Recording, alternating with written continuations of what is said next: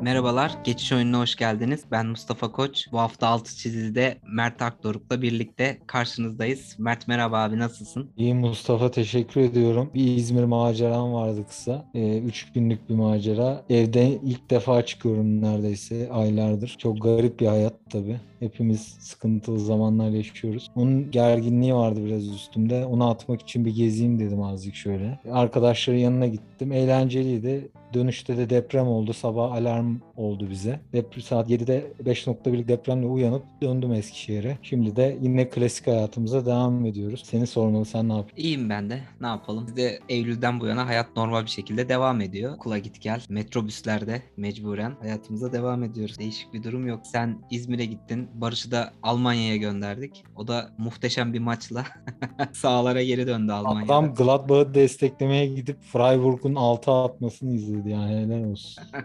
bir de Facebook'tan fotoğraf paylaşıp ne, ne yazmıştı gittiğimiz hiçbir maç olaysız bitmez falan gibi bir şey yazmış. evet seviyor Almanya'yı yapacak bir şey yok. Yani o da onun memleketi. Bana da her fırsatta sallıyor bir şekilde. En sonunda bir mikrofon üzerinden ona sallama imkanı buluyorum. Programda belki zaman zaman ona sallamalı bir yayın yaparız diye düşünüyorum.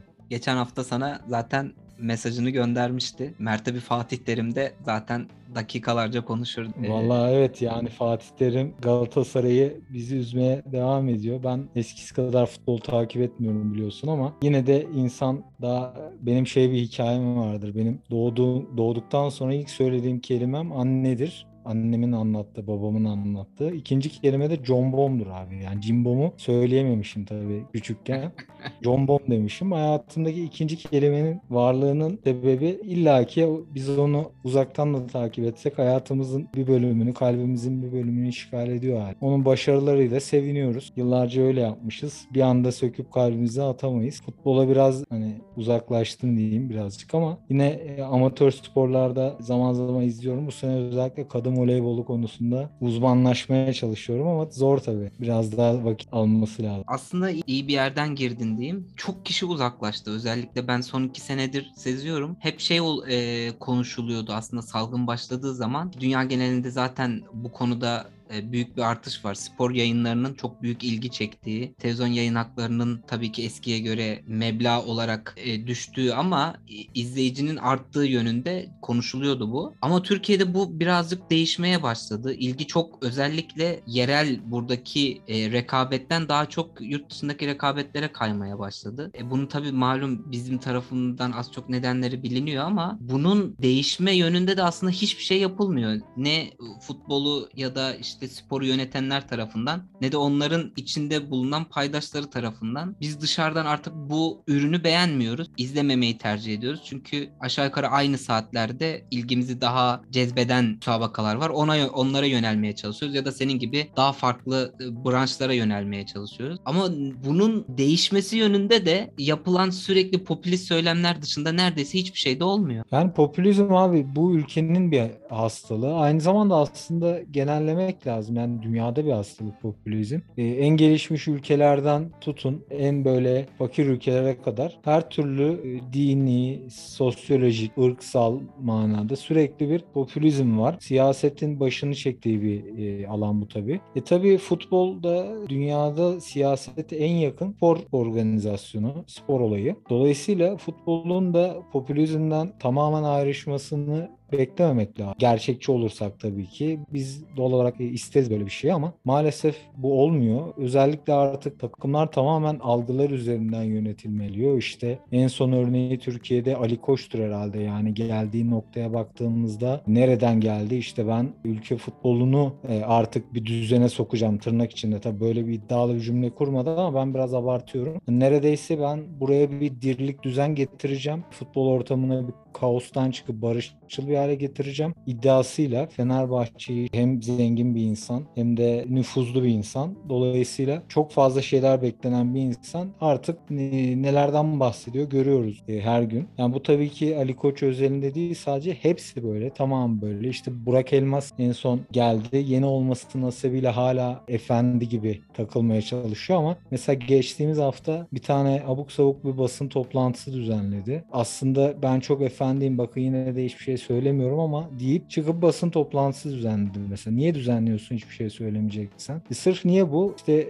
yorumcular e, özelinde ve sosyal medyadaki e, troll taraftarların beklentilerini karşılamak için bizim hakkımızı savun başkan tırnak içerisindeki söylemi yerine getirmek için bakın ben istediniz yaptım demek için sürekli bir algı operasyonları sürekli işte köşeye sıkışan yöneticilerin gidip sözde dünya yıldızlarını bitmiş yıldızları getirmeleri bunların hepsi popülizm üzerinden devam ediyor. Yorumcular özellikle buna e, medyada çok fazla yön veriyorlar ve bunu zannediyorum benim görüşüme göre sosyal medyadaki insanlara taşıyanlar da bunlar. Yani iyisiyle kötüsüyle tüm yorumcuların yorumlarının ben sosyal medyadaki sıradan vatandaşa da sirayet ettiğini düşünüyorum. Ya kesinlikle zaten birazcık da oradaki algıları yönetmek bu aşağıya doğru silsile yoluyla gidiyor oluyor. Ee, şimdi başkanların yaptığı popülist söylemler ya da eylemler beslediği bir kitle var. O kitle de bir taraftan da yine bu başkanları eylemlerini ve söylemlerini de yönlendiriyor. Birbirlerinden beslenerek bu düzeni sürdürmeye çalışıyorlar ve öyle bir kısır döngü ki herkes aslında buradan bir şekilde kurtulmaya çalışıyor. Şimdi sorsan Ali Koç'a, işte Burak Elmas'a, Ahmet Nur Çebi'ye ya da bundan işte birkaç sezon geriye gidelim Fikret Orman'a ya da geçtiğimiz hafta kaybettik Mustafa Cengiz'e. Hepsi bu düzenden kurtulup aslında yurt dışında bütün taraftarların ya da o bu yönetimlerin bahsettiğimiz isimlerin öykündüğü takımların ulaştığı seviyelere ulaşmak ister. Ama bir tekrar içimize bir döndüğümüzde sürekli bu kısır döngünün içinde bu e, bir amacı ya da bir sonucu olmayan tartışmalar ya da çekişmelerden sıyrılıp bir yere varamıyorlar. Yani bu birbirini besleyerek devam ediyor. Dediğin gibi Ali Koç ortaya e, seçilmeden önce ortaya koyduğu vizyonu şu an geriye dönüp baktığında o kadar gülünç duruma düşmüş bir halde ki yani mesela geçtiğimiz hafta e, Vitor Pereira e, herkes dedi ki herhalde gitti. Bitti artık. Farioli ile anlaşıldı ya da işte ne bileyim hatta Bilic geliyor yoksa işte yerli şu mu geliyor falan derken bir baktık hafta sonu tekrar Victor Pereira takımla birlikte sahaya çıktı. Taraftarın sosyal medya üzerinde işte bu söylenen isimleri beğenmediği, tepki gösterdiği, işte o gelecekti madem Emre neden gitti baskısı bilmem ne derken e, bunun üzerine bir herhangi bir açıklama bile yapmadan, yalanlama bile yapılmadan e, adam takım başına tekrar sahaya çık. E bu popülizmle birlikte o da aslında bir popülist bir söylem. Ben işte yeni bir vizyon getiriyorum. Futbolda anlayan kimse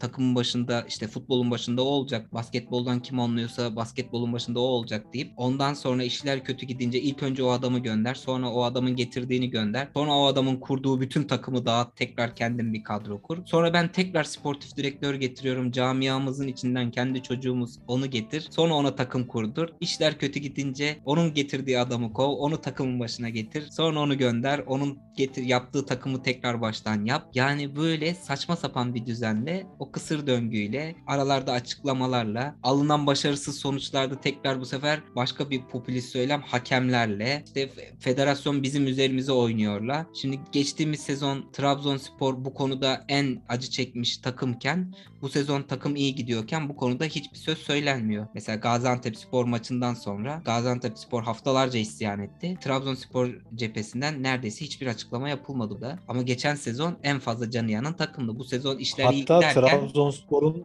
e, lehine gelişen o durumdan sonra bir de kulüpler birliği toplanıp aralarında sezon ortasının sonuna kadar bu yarının sonuna kadar hakem konuşmamak kararı aldılar. Yani o da bir komik. Ağoğlu'nun başkan olduğu kulüpler birliği toplantısından çıkıyor bu karar. Evet. Ve bu kararın altına Galatasaray ve Fenerbahçe de imza atıyor. Beşiktaş atmıyor. Bu da çok garip geldi bana. E, Galatasaray niye atıyor? Bir kere onu anlamadım bir Galatasaraylı olarak. Bu sene zannediyorum takip edebildiğim kadarıyla aleyhine en çok hata yapılan takım Galatasaray gibi gözüküyor şu anda. Burak Elmas'ın böyle işte ben vizyonluyum ben işte hakem konuşmam çok millete sallamam durumları galiba bu ülkede pek işe yaramıyor. Bunu görmüş olduk. E, bunun da altına imza atması Trabzon'un böyle lehine olan bir hatada. Ama de, yani hatadır bunu dediğin gibi biz bile aslında bazen tabii hakemlere kızabiliyoruz ama yine hakemlere o kadar yükleniliyor ki tamamen ortada bir şey var. Böyle şeytanlaştırılmış hani adeta şey şeytan taşlama yeri vardır ya böyle hacda. Öyle bir derin bir kuyu. Onun etrafında işte başkanlar, yöneticiler, teknik direktörler, futbolcular ve taraftarlar sürekli o hakemlerin bulunduğu kuyuya taş atıyorlar. Bir nevi rejim ediliyor hakemler ama bundan da memnun olan bir düzen var. Hakemlerin de bundan memnun olduğunu düşünüyorum. Çünkü memnun olmasalar bu kadar kulaklarının üstüne yatıp her şeyi duymazdan gel, e, gelme işine girmezlerdi diye düşünüyorum. Hakem kurulu ve federasyon dahil bu işten çok memnun. Çünkü hakemler konuşuldukça sıra federasyona, sıra yöneticilere, sıra teknik adamlara gelmiyor. E, her halükarda iki takım maç yapıyor ve biri mutlaka hakemden şikayet ediyor. Biri etmiyor ya da her ikisi birle, birlikte ediyor. Ama her ikisinde etmediği bir maç sanırım yok. E, mutlaka birileri çıkıp bir şeyler söylüyor. Onlar bir şeyler söylemek istemese bile maç sonunda bu beyaz futbol muhabirleri gibi tipleme olarak o tip muhabirler gidip mutlaka hakemle ilgili bir şey söyletmeye çalışıyorlar. Basın toplantısı yapan insanlara. Onlar da tabii ki atlıyor klasik işte ben camiamı korumalıyım. Öyle bir cevap vereyim ki camiamızı işte yanımızda görelim. Yok işte e, hakemler üstüne baskı kuralım da bir hafta sonra iki hafta sonra bizim aleyhimize bir karar ver, vermeleri zorlaşsın. Tamamen algılar üzerine yönet oynanan bir oyun maalesef Türkiye'deki oyun. Hepimiz zaman zaman bu algılara kapıldık. Gereksiz yere hakemlere yüklendik. Kendimizi deli ettik falan. Ama ben yaş aldıkça şahsım adına bu illüzyondan biraz daha gözlerimi açmaya başladım. Bu perde, gözlerimdeki bu taraftarlık perdesi yavaş yavaş kalktı ve popülizm çemberinden kendimi dışarı atmaya çalışıyorum. De, dediğim gibi bu bir süreç. Herkese aslında e, böyle olmasını isterim. Zevkle maç izlemek için bu popülizmden ve aşırı bağnaz taraftarlık durumundan uzaklaşması gerekiyor insanların. E, popülizm gerçekten yorumcuları, bizleri bu futbol ortamını hatta Türkiye'yi ve dünyayı da etkisi altına almışken bu hafta da böyle çok spesifik, aşırı spesifik bir olay olmamışken senle biraz popülizmin üstüne, futbol popülizminin üstüne biraz konuşalım dedik. Ben o yüzden birazcık eskiye nazaran futboldan uzak duruyorum. En temel sebeplerinden biri de bu Mustafa. Abi zaten sadece sen değilsin. Bu düzen sır döngü aslında çok büyük kronik bir hastalığı Türk sporunun. En fazla da ülke futbolunun. Ama çok da uzun zaman olduğunu düşünmüyorum. Çünkü bizler hani yıllar boyunca takip eden, düzenli, üstüne kafa yoran, üstüne muhabbet eden ya da bir şeyler üretmeye çalışan insanlarız bu konuda. Bizler bile bu kadar bıkmış ya da uzaklaşmışken e, yeni arkadan gelen gelecek nesil neredeyse hiç ilgilenmemeye başladı artık. Yani biliyorsun öğretmenim ben. Mesleğe ilk başladığımda mesela önemli bir maç olduğunu okula gittiğimde e, o gün yani e, önemli bir maçın ertesinde okula gittiğimde o gün akşama kadar bütün öğrencilerle o oynanmış maçın muhabbetini yapardık. Hemen gelirlerdi etrafıma. Benim de ilgilendiğimi, işte arada maçlara gittiğimi ya da işte bu konuda bir şeyler yaptığımı bilen bütün öğrenciler toplanırdı. Bunun sohbetini yapardık. Yani ben son 3-4 senedir e, neredeyse hiç böyle şeylerle karşılaşmıyorum. Kimse gelip benimle öğrenciler özellikle neredeyse hiç bir ya da iki öğrencidir yani artık. Çünkü onlar bizim gibi bu o aidiyetleri özellikle bu spora ya da herhangi bir takıma bizim duyduğumuz gibi bir aidiyet duymuyorlar. Öyle Bir şey de bizim aidiyetimiz şeyden gelmedi mi biraz Mustafa? Yani mahalle çocukluğu Kesinlikle. diye bir şey vardır. Mahalle kültürü vardır. Ve mahalle kültüründe de sokakta futbol oynamak e, küçük erkek çocukların birinci vazifesi gibi bir şeydir. Yani biz nefes alabildiğimiz her an sokakta futbol oynamayı düşünürdük. Bu iki taşı yan yana koyup aralarında bir iki metre bırakıp bir kutu kolayı ezerek de olabildi zaman zaman. Ne bileyim çağ atladığımızda biraz daha ben özel okula gitmiştim işte 3 sene. Orada tenis topuyla futbol oynuyorduk mesela. Ya da kozalak, çam kozalağıyla top oynuyorduk. Hiç olmazsa en kötü ihtimalle girip bir kağıdı 3-5 kağıdı buruşturursun. Bantı olan var mı diye sorarsın. Gidip bir bantla onu böyle bir top haline getirip yapıştırırsın ve bir iki teneffüs o parçalanana kadar oynarsın. Yani öyle bir kültür ki bu artık çocuklara istirahat edemiyor. Çünkü sokakta herhangi bir şey yok artık. Ee, bir de bilgisayar denen ve telefon denen bir icat var artık. Çok 5 yaşındaki çocukların bile elinde. O yüzden onların zaten Beş böyle bir kültürle yoğrulmaları. Efendim? 5 5 çok iyimsersin diyorum. Abi yine şey oldum ya ne bileyim abartmayayım dedim bu sefer. Az önce abartınca dengeledim bunu. Yani şöyle evet zaten yıllardır artık çocuklar çok fazla dışarı çıkmıyor, vakit geçirmiyor. Fiziksel olarak neredeyse işte aktiviteleri çok kısıtlı. Bir de bunun üstüne e, aşağı yukarı 2 iki yıl oldu artık Çin'de başlayalı. iki yıldır bu salgından dolayı iyice eve tıkılıp e, dışarıda fiziksel olarak ne yaptıklarını bile hatırlamıyorlar, bilmiyorlar ve bu çeşitli sorunlara neden oluyor. E, şimdi biz işin tabii ki başka bir tarafından bahsediyorduk ama bu tarafı daha da tehlikeli. Yani çocukların sosyalleşmesi ki bizim en büyük sosyalleşme aracımız neredeyse işte o akran yardımıyla öğrendiğimiz şeylerin tamamı sokakta gerçekleşiyordu. Bilmediğimiz çoğu şeyi biz sokakta öğreniyorduk. Bir taraftan oynayarak, deneyimleyerek, bir taraftan paylaşarak. E, bu bizim dediğin gibi o bir oyun oynama, işte spor yapma, bir taraftan bir takıma aidiyet duyma, sporu takip etme bir taraftan da kültürümüzü oluşturuyordu. Ama şimdi bunlar bu şimdiki nesillerde maalesef e, yavaş yavaş kayboldu. Birlikte hareket edebilme, beraber bir şey paylaşma, bir oyun oynama e, bu kültürden yoksun oldukça daha da bireyselleşiyor. Zaten artık global olarak bireyselleştiğimiz bir çağda son dönemler bizi de tamamen yalnızlığa ve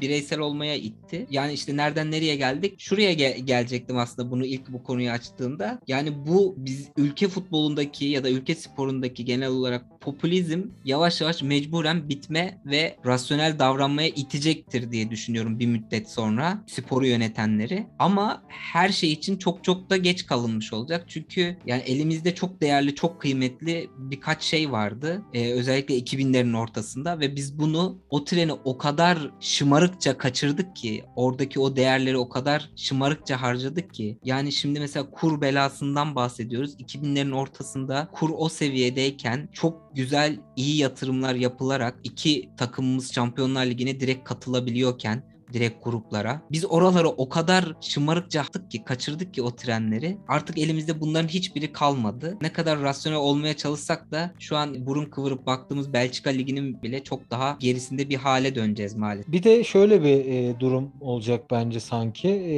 yani bu popülizme bir tık darbe vuracak şeylerden biri de az önce senin dediğin gibi ekonomi olacaktır. Özellikle önümüzdeki e, 2-3 sene boyunca Türkiye'nin ekonomisinin daha da geriye gideceğini öngörebiliyoruz görebiliyoruz şu anda çok rahatlıkla. Dolayısıyla en azından bu transfer dediğimiz Allah'ın cezası futbol ortamının kan emici sezonu ortadan böyle biraz daha hani artık kırmızıların verilmediği amiyane tabirlerle aptal yorumcuların tabirleri. Ee, böyle işte yok Falcao mu geliyor dünya yıldızı mı yok Van Persie mi geliyor yok Alex Teixeira mı geliyor işte dünya yıldızı ee, işte Fenerbahçe dediğin Galatasaray dediğin Beşiktaş dediğin böyle oyuncu almalı. Sen gidip bilinmeyen bir oyuncu niye alıyorsun sezonlarının? Umarım yavaşça kapanacağı bir sezon lar olur önümüzdeki sezonlar diyeyim. Çünkü artık gerçekten e, sokağa atılacak parası yok kulüplerin. Eğer e, çok zengin kendi cebinden 50 milyon 100 milyon daha verecek başkanlar varsa Ali Koç gibi bir ikincisi daha varsa buyursun gelsin o popülizmi kendi bireysel yapsın, şovunu yapsın. Ama takımların artık takımların paralarıyla şov yapacak bir dünya da kalmayacak. Türkiye için özellikle ki dünyada bile aslında ekonomik anlamda sıkıntı var futbolda bile. Dolayısıyla muhakkak ki daha daha böyle ucuz veya da bonservisi olan ama maaşı az olan futbolcuları bulup getirecekler. Galatasaray'ın bu seneki transfer politikası biraz buna uyuyor. Ama yine de çok fazla bonservis verildi. Bunların da çıkarılabilmesi için e, Galatasaray'ın da Avrupa'da kendini daha da göstermesi lazım olacak. Eğer bir takım söylediğim kadar bonservis verecekse bunu çıkarmak için Avrupa'ya gitmeli. Yoksa paşalar gibi kendi liginde fazla bütçe e, harcatmayacak oyuncularla devam etmeli. Yoksa e, bu popülizm kapitalizmin e, sonu gelmeyecekti bu ekonomik sıkıntılar da olmasa. En azından her şerden bir hayır doğar diyelim. Bu ekonomik krizi de umarım e, Türkiye'deki saçma futbol ortamına bir nebze yararı olmuş olur diyeyim kendi. Yani o krizleri yaşamak çok acı verici. Birazcık yaşımız itibariyle en azından iki büyük ülkenin yaşadığı iki büyük krizi de yaşadık. Gördük. Birinde bayağı çocuktuk ama en azından ötekinde gençliğimize denk geldi. Yani çok acı verici tabii bu krizler yaşanması ama her ülkenin yaşadığı bu tarz büyük krizler de bir taraftan yeni bir oluşumu, yeni bir filizlenmeyi ya da insanların yaratıcılıklarını geliştirmesini fırsat veriyor. Çünkü oradan kurtulmanın verdiği çaba insanları yeni şeylere itiyor. Dediğin gibi böyle bir şeye vesile olacaktır muhakkak ama işte lig öyle bir lig ki abi elindeki malzemenin de gelişmesine de bir taraftan izin vermiyor. Çünkü çok büyük bir güvensizlikle işliyor bütün işler. Hakeme güvenmiyorsun, hakemi atayan federasyona güvenmiyorsun, federasyon başkanına güvenmiyorsun. E, rakip takımın işte oynadığı oyuncuya, rakip takımın oyuncusuna güvenmiyorsun çünkü kendisini yere atacak, işte bir dirsek vurup seni mi indirecek, ne bileyim varın başındaki hakeme güvenmiyorsun, hiçbir şeye güvenmiyorsun. Hiçbir şeye güvenmeden maça çıkıyorsun, oyununu oynuyorsun, maç bitiyor, puan kaybında işte sahadaki futbolcuya da suç buluyorsun, hakeme de suç buluyorsun, hakeme atayana da suç buluyorsun, rakip takıma da buluyorsun. Bir tek sen suçlu olmuyorsun. Yani o güvensizlikte de işte elindeki malzemeyi geliştirmek, parlatmak, değerini arttırıp tekrar onu pazarlamak da çok zor. Çünkü sen elindeki malzemeye güvenmediğin sürece senin malzemeye dışarıdan kim güvenebilecek? Bu da bir handikap. Umarım bu konuda da biraz zihinler açılır, biraz bir şeyler değişir diye. Abi bir laf vardı ya bu ülkede her şey olursun ama rezil olmazsın mıydı? Öyle bir laf vardı. Direkt o geldi senin söylediğin. Kesinlikle mesela işte bu senin bu söylediğinde benim aklıma şey getiriyor işte mesela deminden transfer konusunda o alttan son dakika kırmızılar ne oluyor? Bazı ekran yüzleri kendi popülaritesini ya da görünürlüğünü de arttırmak için meşhur Twitter'la birlikte duyumcular da çok gelişti. Şimdi bir de şu işte bu adam mükemmel bir adam İlk önce bir gelecek ismi ya da söylentisi çıkan ismi bir böyle bir pompalama. Eskiden Ronaldinho'lar, Kakalar bilmem ne yapılıyordu. O devirler bittiği için şimdi isim ne olursa olsun bu müthiş bir transfer. E, işte Berisha için yapılmıştı. E, Pjanic, Pjanic için yapılmıştı böyle. Mesela Berisha birkaç maç sallandıktan sonra ya ben demedim mi ya bu adam Fenerbahçe'nin büyüklüğüne uygun bir futbolcu, bir forvet değil. Ya da Pjanic'in biz çok büyük bir yük olacağını zaten biliyorduk bu takıma gel. Ya arkadaş yani sen işte de, deminden Ama geldiğinde de dünya yıldızı geldi. Hoş Evet. geldin Pjanic. Nasıl alabildik bunu? İnanılmaz bir şey falan diyorlardı. E, e, işte yani Luyendama için de Luyendama çok sakarlıkları olan bir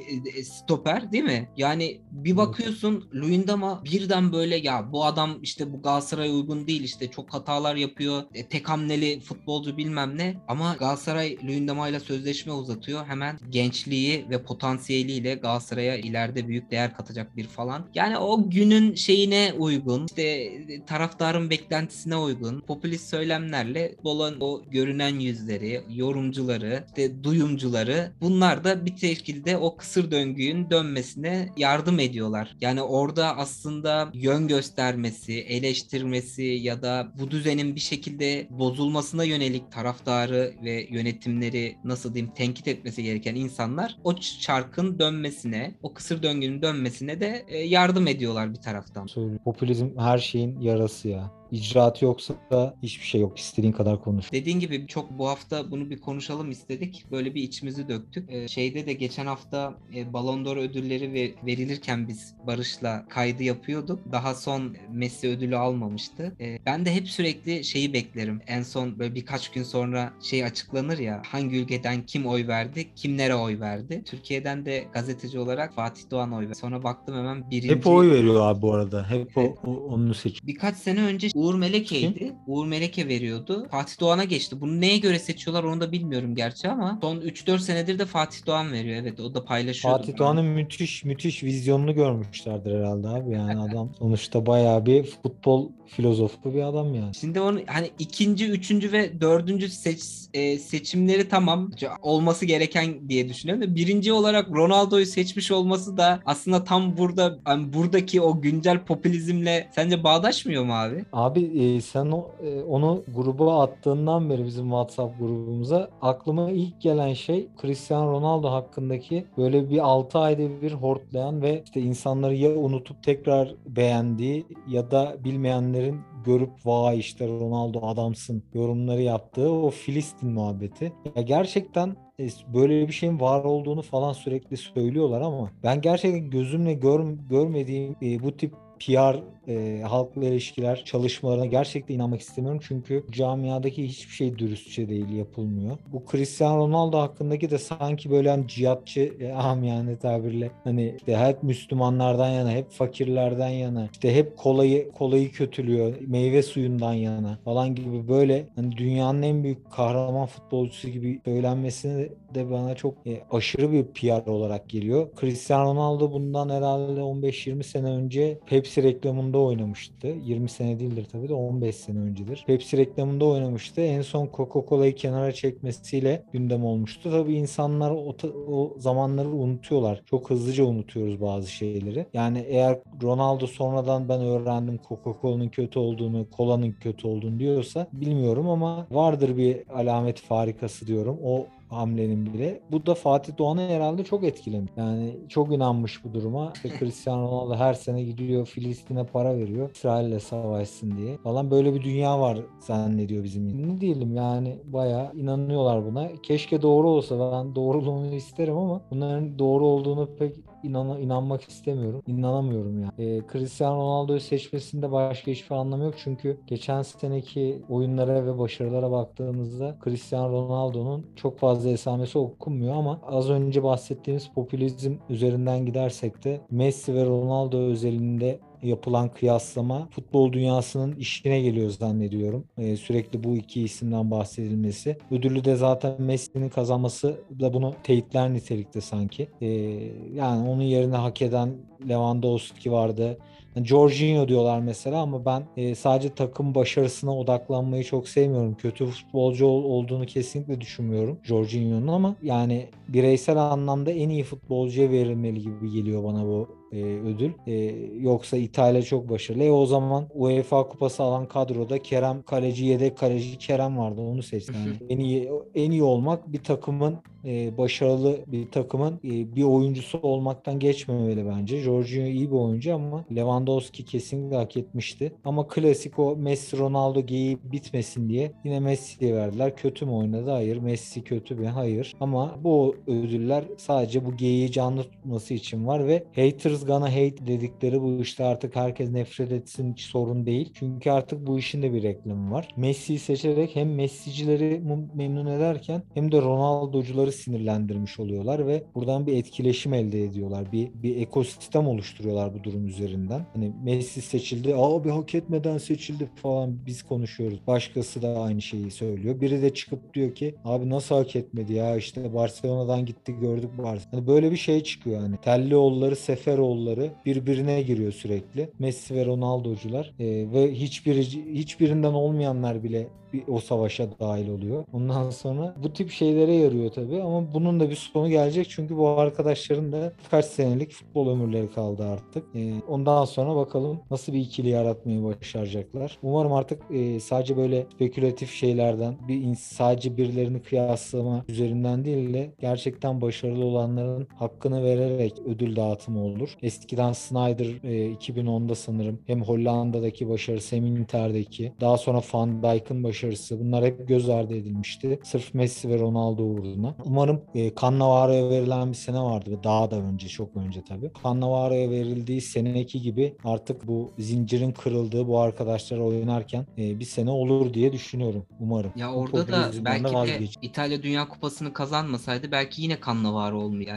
Evet. Yani artık orada vermekten başka Cannavaro'ya bir şey kalmamıştı. Çünkü müthiş bir sezon. Üstüne Dünya Kupası'nda harika bir turnuva Dünya Kupası orada artık mecbur kalınmış. Ya bunlar hep sürekli tartışa geliyor. Yani e, kupa mı karar veriyor? Yani kupa mı en büyük etken bir Ballon d'Or için? Abi kupayı en büyük e, nedense yine Messi almamalı. Copa Amerika'yı aldı diye Ballon d'Or alınmaz bence yani. Muhakkak. Ben öyle yani bu oyunun en rekabetçi, e, en popüler ve e, dünya genelinde en fazla takip edilen Avrupa'da, Avrupa kıtasında kıtasını son iki senedir altına üstüne getirmiş, rekor üstüne rekor kırmış bir futbolcu varken attığı gollerle Messi'nin alması bir taraftan yani oradaki o hem o popüler e, rekabeti canlandırma, tekrar piyasaya herkesin önüne sürme. Bir taraftan da onun beslediği çok şey var. Deminden senin saydığın bir sürü etken de var o rekabetin beslediği. Bunları tekrar canlı tutma. Biraz da işte bu salgın sürecinde geçen sezon verilemedi. O da ayrı bir saçmalık. Yani illa ödülü bir salonda toplayıp vermene gerek yok. Geçen sezon da verebilirdin yani Lewandowski'ye. O, o da ayrı bir saçmalık. Veremedin diye tekrar bunu, bu rekabeti, bu popüler e, işte e, beslediği her şeyi tekrar canlandırıp canlı tutmak adına birazcık da bunda e, şeyin Ronaldo'nun e, Premier Lig'e dönüşü de var muhakkak ki sonrasında Ronaldo'nun da e, birkaç işte Instagram paylaşımının altında bir tepkisi oldu. İşte bir röportaj ver, vermiş, bir gazeteci açıklama yaptı işte e, ben de e, tekrar Ballon d'Or almak istiyorum falan demiş ama sonra yalanladı galiba. Öyle bir şeyler de oldu. O da bir tartışmanın içine girdi. Tekrar böyle bir alevlendirmek, bir şey yapmak isteniyor ama onların kadar ağırlığını koyan maalesef arkadan da bir e, şey gelmedi. İşte şu an filizlenen Haaland'la Mbappe belki Haaland biraz daha böyle işte şeye uyuyor Gerçi birazcık karakteri sanki İbrahimovic gibi ama bir taraftan Mbappe de Messi gibi evin babası tatlı çocuk. Bilmiyorum belki oradan onların sonra rekabetleri birazcık canlandırılacak yani onların üzerine gidecektir işler. Göreceğiz ilerleyen yıllarda. Abi ağzına sağlık bayağı popülizm üzerine birazcık da işin sos, sosyal boyutuna değindiğimiz bir şey oldu bugün bu haftalık kayıt oldu. Ee, ben bir kapatmadan Semih Saygıner'i buradan tebrik etmek istiyorum açıkçası. Müthiş bir adam çok severim. Mısır'da 3 bant Dünya Kupası vardı. Orada şampiyon oldu dün. Tekrar büyüklüğünü gösterdi diyelim ki işte bir de Bilardo'nun bir numarası Dick Jaspers'i yendi. Müthiş bir iş bence. Tebrik ediyorum. Evet yani yaşı da bayağı var Semih Saygıner'in. En yaşlı şampiyon ünvanını da e, alacağını söylemiş yani yanlış okumadıysam. Ben de bir tabi bilardo eksperi olmadığım için bilmiyorum ama Semih Saygıner'i en son şeyde bırakmışım ben. Bu stand-up gösterileri falan yapıyordu en son. Dedim ki herhalde bilardo baba bıraktı bilardoyu. Artık hani ekmeğini başka yerde arıyor falan zannettim ama adam yani helal olsun bu yaşta tekrar. Her tabi hani e, bilardoyu yaş olarak bir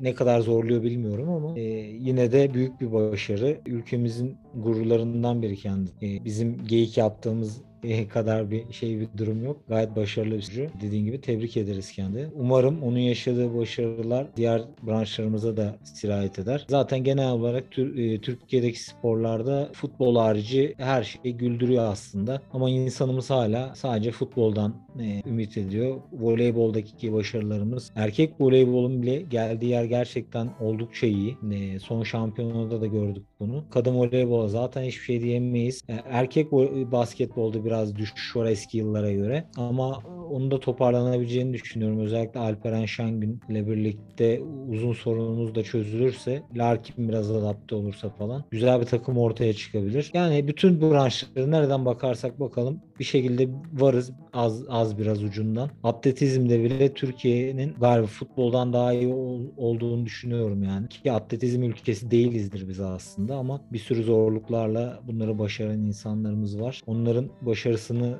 da e, uzun uzun konuşulduğu bir Türkiye dileyim. Ağzına sağlık diyeyim. Eyvallah abi. Bu arada baktım ya ben hiç tahmin etmiyordum 57 yaşındaymış. Hiç göstermiyor zaten. Evet ya ben 50'nin üstünde olduğunu biliyordum. Tam yaşını bilmiyorum ama e, ne kadar tesir ediyor tabii e, bilardoya bilmiyorum ama 57 yaşında ne yaparsanız yapın e, kolay olmaz diye düşünüyorum. Muhakkak e, 2006 yılında bırakmıştı. 2015 civarı geri döndü tekrar ve sonrasında tekrar böyle bir başarı elde etmesi müthiş bir iş. Tekrar tebrik edelim. Şeyde YouTube'da mekanın sahibi ne geldik miydi? Öyle bir öyle bir adı vardı. Kanalda da geçtiğimiz günlerde bir şey röportajı yayınlandı. Hayat hikayesini falan anlatıyor. Zaten çok komik de bir adam. Hikayeleri çok da güzel anlatıyor. Dediğim gibi stand-up falan, oyunculuk falan da yapmıştı. Yani tavsiye ederim o röportajı izlemesini de e, herkesin. Senin de ağzına sağlık abi bu arada. Güzel muhabbet oldu. Özlemişiz. Lütfen arayı bu abi, kadar açma bizimle. Yani biz benim biraz şimdi diyorsun gündemden de uzaklaşmam sebebiyle e, kendimi yeterince iyi hissetmiyorum. Belki belki dinleyenler de bilmiyorum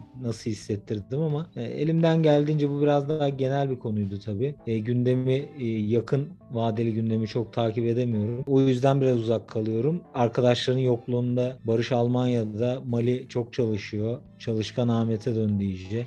Ee, Hakan'ın bebeği olacak yakında kısmetse. O zaten altı çizgiyle pek vuramaz. Sercan Bey de işte arada gelir gider. Ee, mecburen bir şey oldu. Kademeye girmesi lazım oldu. Bir daha önce şeyde geçen haftalarda da örnek vermiştim onu. Yine bir Necip gibi demiştim. Bu sefer de yine Necip gibi geldim. Necip gibi kenara yedek kulübesine döneceğim inşallah. Stoper mi eksik? Mert gelir. Sağ bekte de Mert. Ön libero'da lazım. Necip'i hatta nerede isterseniz oraya koyarsınız. Ben de olabildiğince gelmeye çalışıyorum. Tam bir görev adamı gibi kayıt yaptık abi. Teşekkür Ben ederim. teşekkür ederim. Dinleyenlere de gibi- teşekkür ederiz. Hakkımı, bu kanalın hakkını vermelerini de rica ederim. Eyvallah Yani. abi. Teşekkür ediyoruz tekrar bizi dinleyenlere de. Mert'in dediği gibi takip ederek yayınlarımızı paylaşarak da destek olabilirsiniz. Önümüzdeki hafta tekrar görüşmek dileğiyle diyelim. Bay bay. Çok. Thank you.